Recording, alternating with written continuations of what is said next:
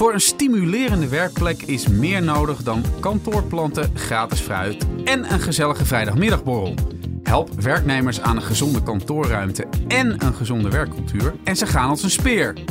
We praten erover met iemand die weet hoe je dat aanpakt. Workplace Wellness adviseur Vivian Aqua. Mijn naam is Jan Meijroos. En ik ben Maaike Bos. Leuk dat je luistert naar Work in Progress. De podcast van Intermediair over werk, carrière, work-life balance en persoonlijke groei. Vivian, welkom in de studio. Interessant, jij was financieel IT-consultant. Nu help je organisaties een meer ja, menselijke werkomgeving en cultuur te krijgen. Uh, mooi onderwerp, denk ik. Maar ja, wat gaat er eigenlijk dan mis uh, bij heel veel bedrijven of in die werkcultuur? Het is een combinatie van. Maar wat ik het meest tegenkom is dat mensen eigenlijk uh, binnen één of twee jaar al een organisatie verlaten. Omdat zij niet hunzelf kunnen zijn. Dat kan zijn omdat ze niet in de juiste werkomgeving zitten. Of het kan ook gewoon zijn omdat ze iets doen waar ze niet blij van worden, zeg maar. En, en hoe, hoe kwam jij erachter dat jij, uh, dat uh, IT-consultant is toch wel iets anders. Mm -hmm. Was het dat je door je vorige baan dit tegenkwam en dacht, hier moet ik iets mee? Nee, ik heb helaas een vervelende situatie meegemaakt bij mijn uh, vorige, bij, bij de laatste IT-bedrijf. en dat is dat ik te maken had met zwangerschapsdiscriminatie. En uh, hoe vervelend ik het ook vond, had ik zoiets van ja, maar wat kan ik eraan doen om dit te kunnen veranderen? Ja. Hoe kan ik ervoor zorgen, zeg maar, hetgene wat mij is overkomen, om dat op een positieve manier te laten draaien, te, anders aan te laten passen, zeg maar. Dus als je al niet zwanger mag zijn, dan, dan ben je dus, dan mag je ook geen mens zijn eigenlijk, hè? Eigenlijk kun je wel, het zeggen. daar komt Ja. het wel op neer. Ja. Ja. klopt. En nou, ook wel, ook Als wel daar eh, geen ruimte voor is. ja, ik schrik hier ook wel een beetje van. Want eh, hoe lang geleden is dit? Mijn zoontje is nu bijna zeven. Dus dit is om, ik was rond deze tijd zeven jaar geleden Ja. zwanger. En je zegt dat je er hiervan schrikt, maar jammer genoeg maken vrouwen dit vandaag de dag nog steeds mee. Ja, het is eigenlijk, het is eigenlijk een, een grof schandaal natuurlijk. Ja. Maar fijn dat jij in ieder geval iets van zoiets negatiefs, eh, iets, eh, iets positiefs hebt eh, weten te maken. Ja. ja, we zouden het eigenlijk kunnen samenvatten onder dat er gewoon meer menselijkheid op kantoor nodig is. Nou, hebben we, hebben we heel veel mensen hier in de podcast. En daar, dat gaat het daar ook wel steeds meer over dat er, dat er wel meer oog voor is. Hè, voor werkdruk en werkplezier. Maar jij zegt het is nog steeds wel hard nodig om eh, bedrijven ja, zeg maar een beetje op te voeden. Nou ja, opvoeden is misschien wel wat streng, maar meer op weg te helpen van hoe kunnen we ervoor zorgen dat iedereen die binnen deze organisatie werkt zich thuis voelt. Ik bedoel, je bent wel van soort van van 9 tot 5. De meeste tijd overdag besteed je toch op het kantoor. Ja. En waarom niet een huiskamergevoel waardoor je eh, met veel plezier naar het werk gaat, waardoor je maandagochtend om 9 uur heel veel zin hebt om te gaan werken in plaats van dat je gillend vrijdag weggaat omdat Ja. het eindelijk weekend is. Maar wat kun je zeggen van wat is er nou mis bij al die, bij die vele kantoren? Mhm. Want er wordt geïnvesteerd in hippe werkplekken en lekkere koffie. Maar ja, de onderhuids gaat er nog veel mis. Hè? Kun je Ja. iets zeggen? Gaat het over werkdruk of over feedback? Het, het, het kan een combinatie zijn, maar als jij ehm, je niet fijn voelt van binnen, en dan heb ik het echt over de organisatie. Dus als de organisatie zeg maar niet eh, gezond is, niet welkomend is, zeg maar. En je kan het wel maskeren door een gezond gebouw neer te zetten. Of dat je koffie, gratis koffie hebt, de beste koffiescheef. Of dat je een pingpongtafel neerzet. Je lost nog steeds het probleem niet op. Volgens mij loopt er nog steeds een olifant in een porseleinen kast die eh, zegt van ja, bedrijfscultuur is niet gezond. Bedrijfscultuur is niet leuk genoeg, waardoor mijn mensen niet binnen bij een organisatie willen blijven. Laten we dat Hmm. eens even aanpakken. Ja. ja, dat is meteen heel ingewikkeld. hè? Bedrijfscultuur. En je, Mhm. ja, het is natuurlijk elk bedrijf is weer anders. Zeker. Maar dus ik zat te denken, waar heeft het nou mee te maken? Is het toch nog zo dat er te weinig flexibiliteit is? Of dat Ja, je toch niet helemaal durft te praten over dat je te veel werkdruk hebt? Mhm. Is dat het? Een schaamte voor eh, dat je niet kunt falen? Laten we eerst beginnen met de psychologische veiligheid. Want als jij niet op de werkplek eh, jezelf kan zijn door te openen van oké, ik ehm, heb thuis een vervelende situatie meegemaakt. Of ik zit in de schulden. Of ik heb net een vervelend eh, voorval meegemaakt. Of er is net een familielid eh, gestorven.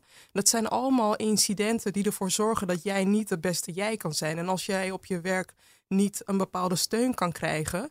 Maar er wordt wel op je neergekeken van ja, je presteert niet. Je zit niet lekker in je vel. En allerlei notities worden er gemaakt, waardoor jij op termijn misschien wordt weggewerkt. Dat is niet van deze tijd. Vooral Hmm. als de organisaties schreeuwen om van ja, we, we kunnen ze niet vinden. Ja. We willen heel veel talent in huis hebben, maar we kunnen ze niet vinden en we kunnen ze ook niet in huis houden. Ja. Een beetje bizar. Ja, nou is het aantal coaches en adviseurs dat gro- groeit Mhm. gestaag. Hè? Op een gegeven moment heb je op elke werknemer vier coaches eh, te tellen. Maar eh, ze hebben allemaal een specialisme. De ene gaat over stress, de ander over burn-out, werk-privé-balans, eh, eten, beweging. Maar jij, jij hebt een, soort een visie, een holistische visie. Jij Mhm. zegt, ja, je hebt het over workplace wellness. Mhm.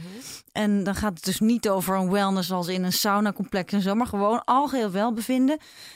Het is nogal wat, hè? Je hebt het over fysieke kantoren die gezond moeten zijn. Je moet een mentale, een goede werkcultuur hebben, sociaal en financiële gezondheid. Ja, en vergeet ook niet carrièregezondheid en omgevingsgezondheid. We hebben te maken met verschillende mensen die allemaal verschillende behoeftes hebben. Ja, Waar jij behoefte aan hebt, is wat anders waar Jan behoefte aan heeft. En is wat anders waar ik behoefte aan heb. ja, Het gaat er ook om dat we zorgen dat mensen eh, gezondheid in diverse aspecten terugvinden. Ja. Dus de ene vindt financiële gezondheid heel erg belangrijk.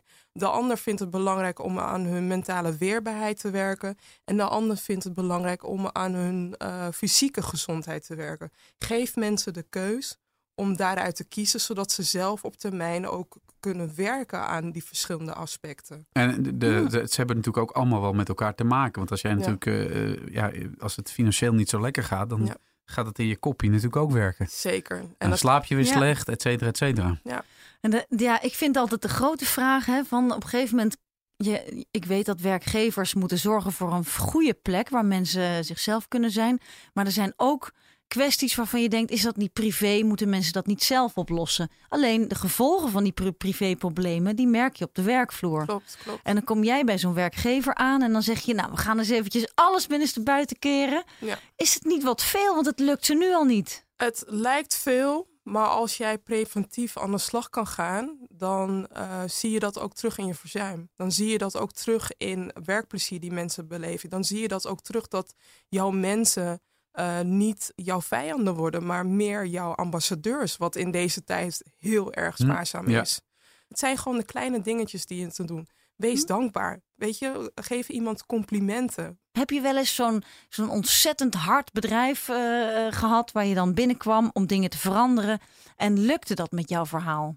Ik moet je eerlijk zeggen, die uitdaging ben ik nog niet aangegaan. Omdat ik kom uit een financiële en een technische hoek. En daar zitten ook mijn klanten. Daar ga ik op af. Ik vind het belangrijk dat ik daar ook pas. Dus mij zul je niet zo snel zien in een advocatenkantoor... waarbij mensen hun maskers moeten ophouden. Waarbij je ook strak ja, in een eenheidsworst eh, industrie zit, zeg Ja, maar. Ja. Dat zegt het al, hè? ja. Dat zelfs de persoon die verandering zou kunnen brengen, daar al niet zich welkom voelt. Nou, dat is. eh, Maar nou, heb jij ook wel eens dan eh, dat, eh, dat je benaderd werd door een bedrijf waar zoiets had van, ah, ik weet het niet. En dat je dan toch zegt, nou, thanks, but no thanks. Ik denk dat jullie beter iemand anders kunnen. Ik heb twee keer dat gedaan. Omdat ja. je dan gewoon denkt van, nou, dat gaat, wordt, wordt eigenlijk misschien wel een verloren wedstrijd m- tussen ons twee.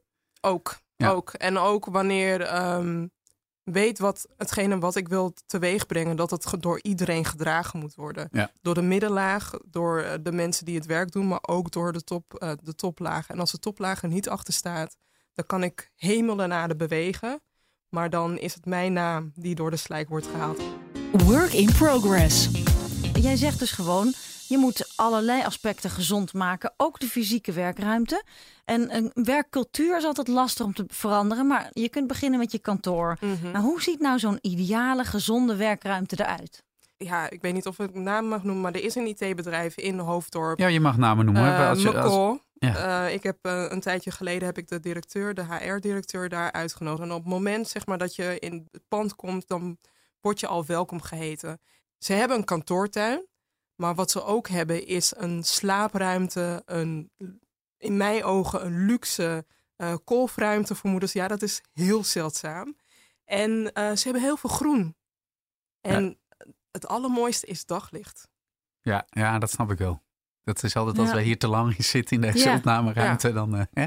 Ja, je wordt gewoon soms eh, echt slaperig van Ja. werken. En eh, als ik dat dan voor in andere banen had, dan dacht ik altijd, nou, dat ligt aan mij. Ik heb eh, niet goed gegeten of niet goed geslapen. Maar misschien lag het ook wel aan zuurstof of aan hè, gebrek Maar aan goed, planten. Het hangt ook van een type bedrijf af natuurlijk. Ik bedoel, je hebt, je hebt merken, de snelle merken, die echt een hippe uitstraling willen hebben. En die graffiti op de muur hebben. En die daardoor ook een ander soort publiek aantrekken, klant aantrekken, maar ook werknemers aantrekken.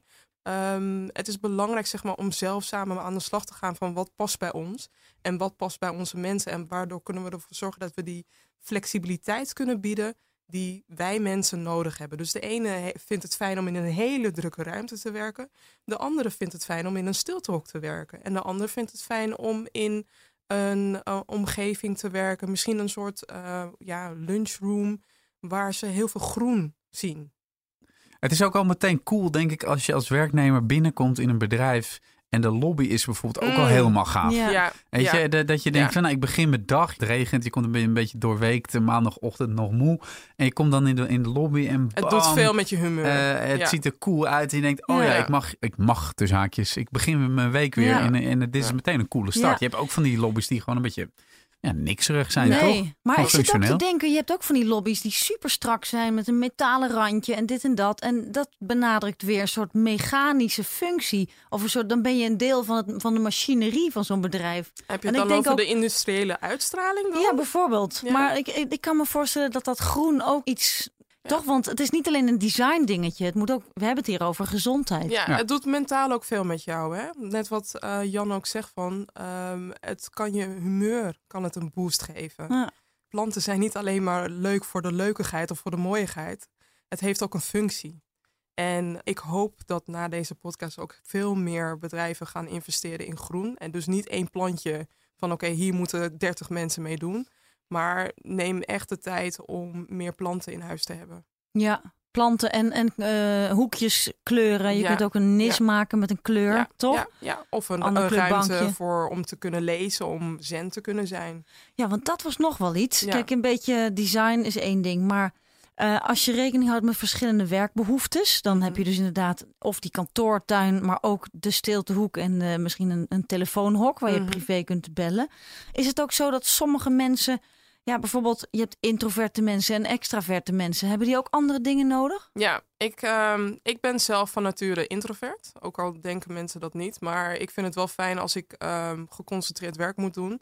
Dat ik echt op mezelf kan zijn en dat ik mezelf ook kan afsluiten. Op het moment dat ik in een ruimte zit waarbij mensen keihard zitten te praten of eh, ja, zitten te bellen, zeg maar, dan doet dat iets met mijn brein. Dus ik loop weg. Ik loop even naar buiten, even resetten om zeg maar zo weer een, een boost te geven. Ja, want, Oh ja. je- want die, de, de, vroeger had je allemaal van die cubicles. Hè, en, eh, Mhm. en, en toen kwamen die open kantoortuinen. En tegenwoordig zie je in diezelfde open kantoortuinen steeds meer mensen met noise eh, cancelling headphones. Wat Ja. super gezellig is. Eh, ja, Ja. Nee. Om, om zich af te sluiten. Nee. Dus het, is- Ja. het, is, het is ook weer. Het, is ook weer, het werkt ook weer averechts. ik- er ik- gaan ook wel weer plekken dat mensen weer toch weer die cubicles. Maar dat Ja. vind ik ook wel weer een. Ik ben er ook- eigenlijk weer voor om, ehm, ik wil niet zeggen keiharde regels, maar laten we een fatsoennummer met elkaar afspreken. Op het moment dat je merkt dat je een telefoongesprek houdt, eh, loop dan even weg. Loop dan even naar een ruimte waarbij mensen minder last van je hebben. Of loop naar een vergaderruimte die leeg is, waardoor je het gesprek kan houden. Hm. En als jij, eh, als je met collega's wil gaan praten, joh, doe dan even een higgen. Neem dan even een theemomentje of een Oh, een koffiemomentje. ja. Met Y, hè? Ehm, ja. ja. Zodat je dan even op dat moment zeg maar met z'n vieren in gesprek bent. En niet dat je een hele kantoor gijzelt met jouw gesprek. Ja, maar dan heb je ook nog de kantoorjungle. Hè? Soms willen mensen gezien worden terwijl ze in gesprek zijn, bijvoorbeeld. Oké, die ken ik niet. nee? Dat ze, of dat het belangrijk wordt, weet je, dat je een beetje belangrijk bent als je met die en die praat. Of, eh, eh, wat ik wel, ik zag, ik las iets, eh, eh, je had wat stukken die, en er was een onderzoek van Jan Gerard Hoendervanger van de Hans Hogeschool Groningen.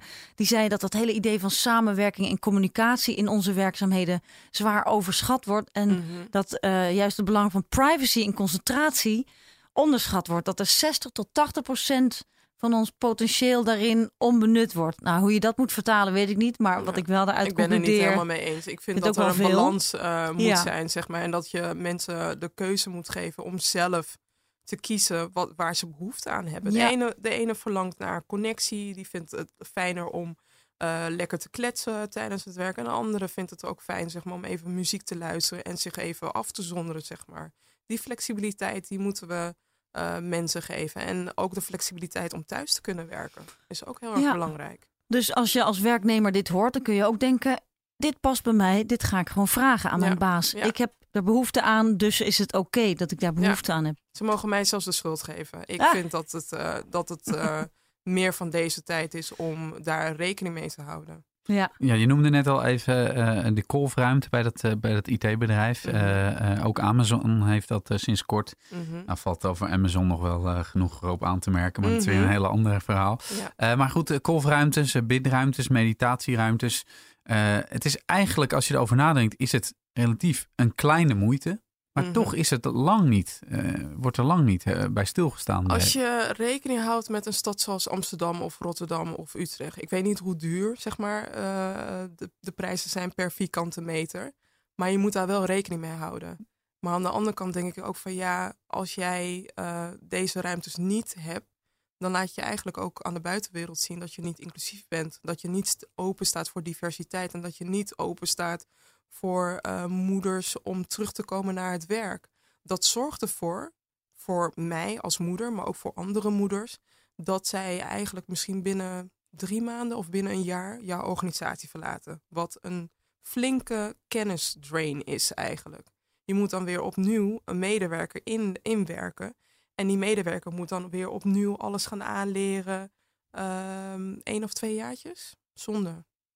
Ja, nee, absoluut. Ehm, en, en, en ja, ik, de, de verhalen van, eh, of de, het gekscherende sketches misschien wel uit Toren C of, of andere verhalen. Oh, die dat, zijn echt. dat, dat mensen in het kopieerhok Ja. eh, aan het kolven zijn. Oh, dat, dat valt, dat valt nog wel mee. Helaas worden vrouwen nog steeds verwezen naar de magazijnruimtes. Waarbij ik denk van ja, als jij als weldenkend mens zelf daar jouw eh viergangen menu zou wil, kunnen eten, Dan doe je het ook niet. Nee. dan zou je Ja. het ook niet doen. Nee. ja dat is een goede. Ja. Ja. En dan heb je natuurlijk ook nog, hè, we- je blijft te maken hebben met mensen. En mensen die, die zijn gewoon niet altijd menselijk. Hè? Mhm. Die, die zijn ook soms gewoon gemeen of die geven voorrang aan andere dingen.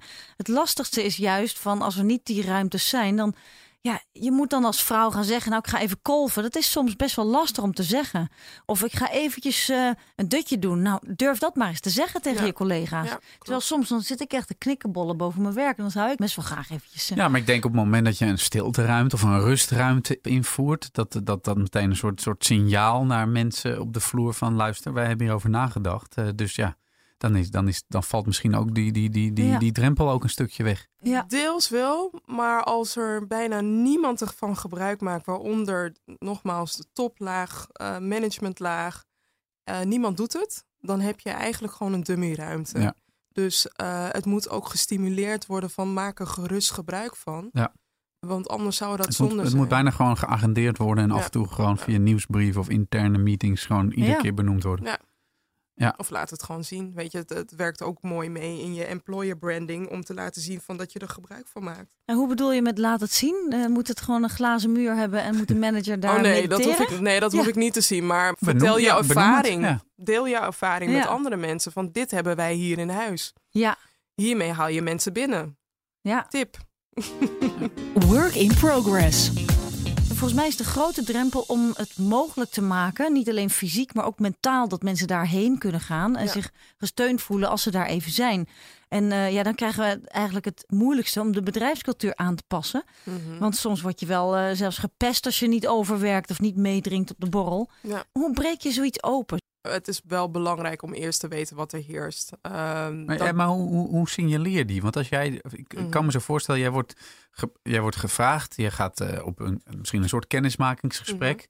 Eh, correct me if I'm wrong. En dan, Mhm. en dan, je weet niet binnen een uur en ook niet binnen twee uur en ook niet binnen een dag en misschien ook niet binnen een week wat, eh, de, Nee. wat de bedrijfscultuur is. Je kan daar moeilijk eh, je, je stretcher eh, gaan nee, dat ga ik ook niet doen. Dat ga ik ook niet doen. en, of als een soort spion, spion of een vlieg op de muur, zeg maar. Alles zo, dat is een beetje sneaky. Dus hoe, hoe doorgrond je die bedrijfscultuur van zo'n zo'n club? Je krijgt van tevoren al signalen en vaak de organisaties waar ik voor word gevraagd, houden ze enquêtes. En als zij signalen krijgen van ik vertrek binnen een jaar, Ja, of ik voel me hier niet veilig. Of, Ja. ja. En dat zijn, dat zijn de eerste eh, punten, zeg maar, waar we samen aan gaan werken. Van niet zozeer benoemen van bij wie het is, maar meer in de zin van uh, teruggeven aan de medewerker. Wat denk je dat er nodig is om dit te kunnen veranderen?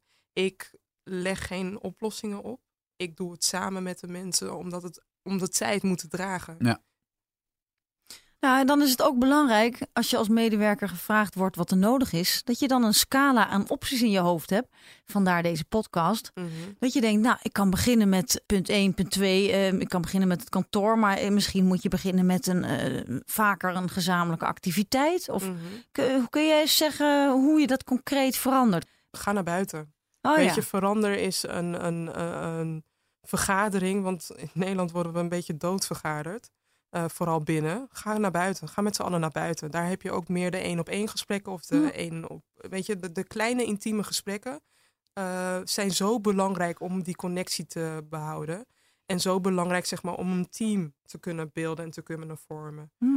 je, je inventariseert natuurlijk ook als je daar komt, tenminste, ik vul het even in, dat je Mhm. van wat, wat is er al? eh, soms heb je een soort eh, vertrouwenspersoon bijvoorbeeld. Mhm. Eh, Mogen ze van geluk spreken? Ja. ja. Eh, Ja. Maar goed, ook daar is dan weer de vraag. Vertrouwenspersoon is natuurlijk mooi, maar word je dan, is er ook een cultuur dat je dan makkelijk naar zo'n vertrouwenspersoon toestapt? Ja, ja. Ehm, ja, nee. Bij, bij, beide, bij een aantal organisaties ja. En bij een aantal organisaties, ook al is de cultuur er wel, maar misschien kan het zo zijn dat die persoon het toch lastig vindt om dat, ehm, om dat eh, te delen. Ik bedoel, als jij, of tenminste, ik heb Ghanese roots, waarbij je niet de vuile was, zeg maar, op gaat hangen aan Ja. iemand die je totaal niet kent Ja. daar moet je gesprekken over houden van we hebben iemand hier in huis, we hebben hier eh, iemand waarmee je kan praten, maar wel het liefst iemand van buiten. Oh ja, dus niet eh, iemand van HR die deze taak erbij doet. Nou, kan, denk- kan, maar Ja. het liefst iemand van buiten. Omdat je dan ook het gevoel hebt dat die persoon niet te koop loopt met hetgene wat je deelt. Ik kan begrijpen dat Ja. HR dit, dit zeker niet doet. Maar het, biedt toch, het verlaagt toch zeg maar, een bepaalde drempel, een bepaalde grens Ja. om, eh, t- ja, om niet te kunnen praten, zeg maar. En, ja, en zo'n eh, en zo'n persoon heeft natuurlijk ook niet helemaal gegeven, heeft die, die interne politiek. heeft geen en- belang. Heeft Nee. geen belang, Nee. geen, he- geen hidden agenda. Is dan het doel dat iemand zijn hart kan luchten? Of is het doel dat iemand zijn hart kan luchten zodat er wat verandert? Want die externe persoon moet wel iets eh, van invloed waarom, hebben dan. waarom kan het niet alle twee? Ja. Ik bedoel, als wij eh, met z'n allen aan de slag gaan met preventie, waarom kan het niet alle twee dat je ondersteuning biedt aan iemand die net misschien zijn partner heeft verloren of een kind heeft verloren? Ik hoop het niet. Maar waarom zorg je er niet voor of verwijs je die persoon niet door naar eh, een persoon, een contact? Waardoor Ja. zij zelf niet op, op zoek moeten gaan in, Ja, in, in ja. een tijd waarbij ze niet hun beste zelf zijn. Help hun daarmee. ja, want als zij dat allemaal in hun eigen tijd moeten doen, dan zijn ze nog minder eh, op hun werk gericht. Ja. dus het is eigenlijk, laat mensen ook mens zijn. Mhm. En eh, iedereen neemt zijn hele zelf mee naar de werkvloer. Dus daar wel. moet je dan toch het liefst wel ook nog. het liefst ja. wel. ja, dat moet je willen. Dus dat moet je al- ook dan Ja. ja. faciliteren. Dat staat ook wel weer een beetje haaks op thema's waar we het ook wel eens over hebben gehad. de Work-life balance. Hè? Dat Dat geloof ik niet. Oké, mooi. Nee, maar dat, hè, dat, dat suggereert Ja. dat, dat je je thuis, je privé en je werk. Maar jij zegt. Die dat is er niet is meer. fluïde. Nee, dat is... eh, Die is er niet meer, zeg. Dat is geloof, interessant. ik geloof in een work-life integratie. Vooral gezien het feit dat wij, wij, ehm, wij willen flexibiliteit. Wij willen ook flexibel... Ik, ben- ik ben een moeder. En ik vind het belangrijk dat de ene dag dat ik eh, eerder naar huis kan gaan om mijn zoon te kunnen opvangen. De andere dag wil ik misschien thuis werken omdat er een staking is, zeg maar. Die flexibiliteit is belangrijk. De balans, ja.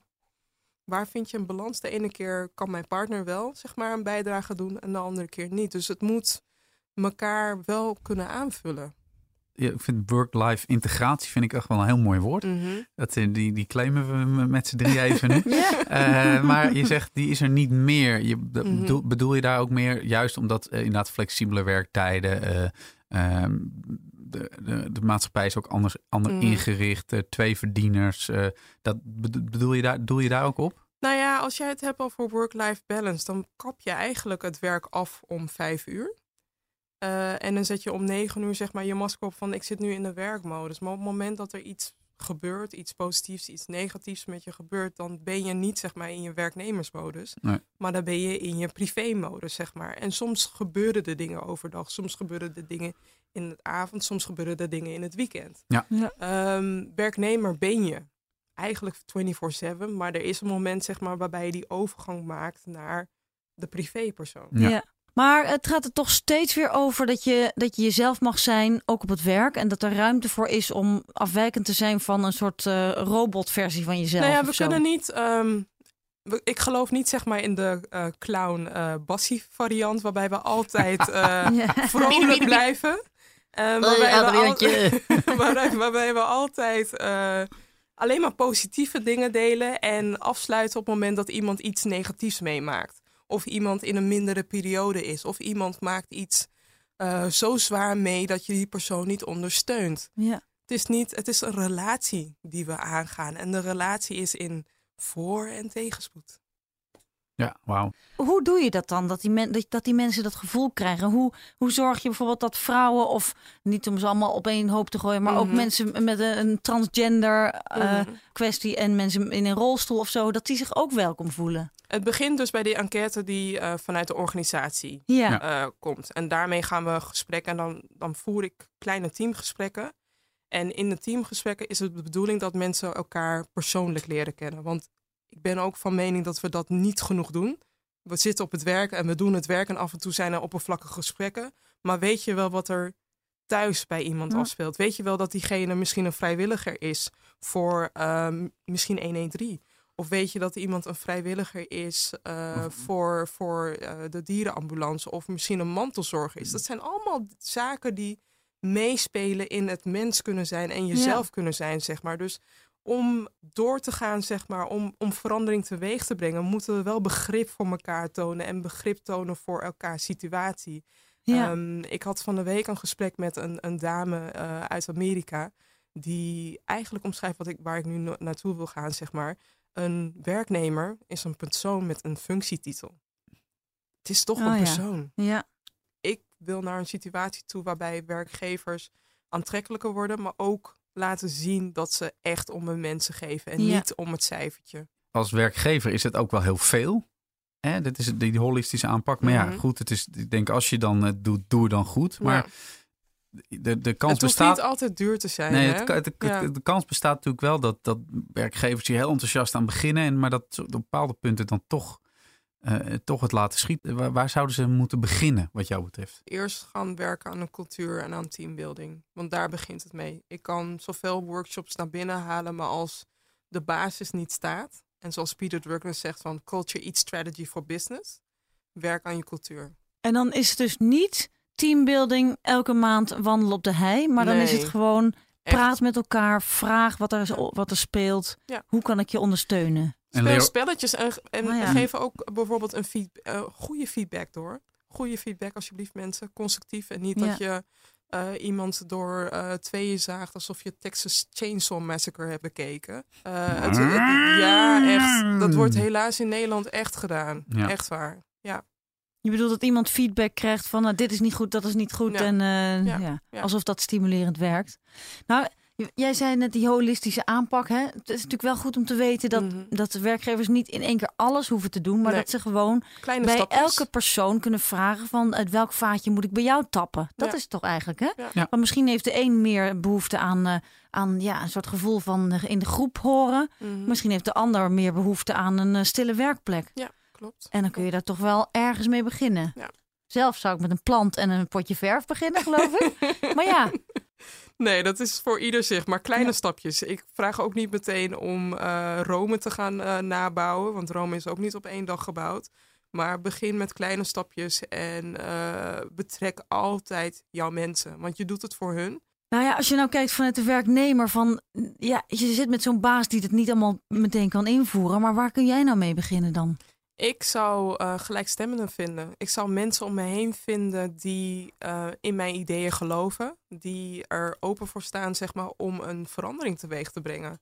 Eh, waardoor je het samen kan doen. En waardoor je ook daarmee je manager of de CEO's kan overtuigen van dit hebben we bereikt en wij willen dit graag doorzetten. Ja, dat lijkt me een mooie. Dankjewel Vivian voor je verbindende inzichten. Hartstikke goed. Het belangrijkste is volgens mij zie jezelf als mens, als persoon en niet als machine. En kijk goed naar wat jij nodig hebt om te floreren. Dat haal ik uit jouw boodschap. Zeker, zeker. Leuk dat je luisterde naar Work in Progress en tot de volgende aflevering. Dag. Dit was Work in Progress, de podcast van Intermediair. Check voor meer informatie over dit onderwerp intermediair.nl.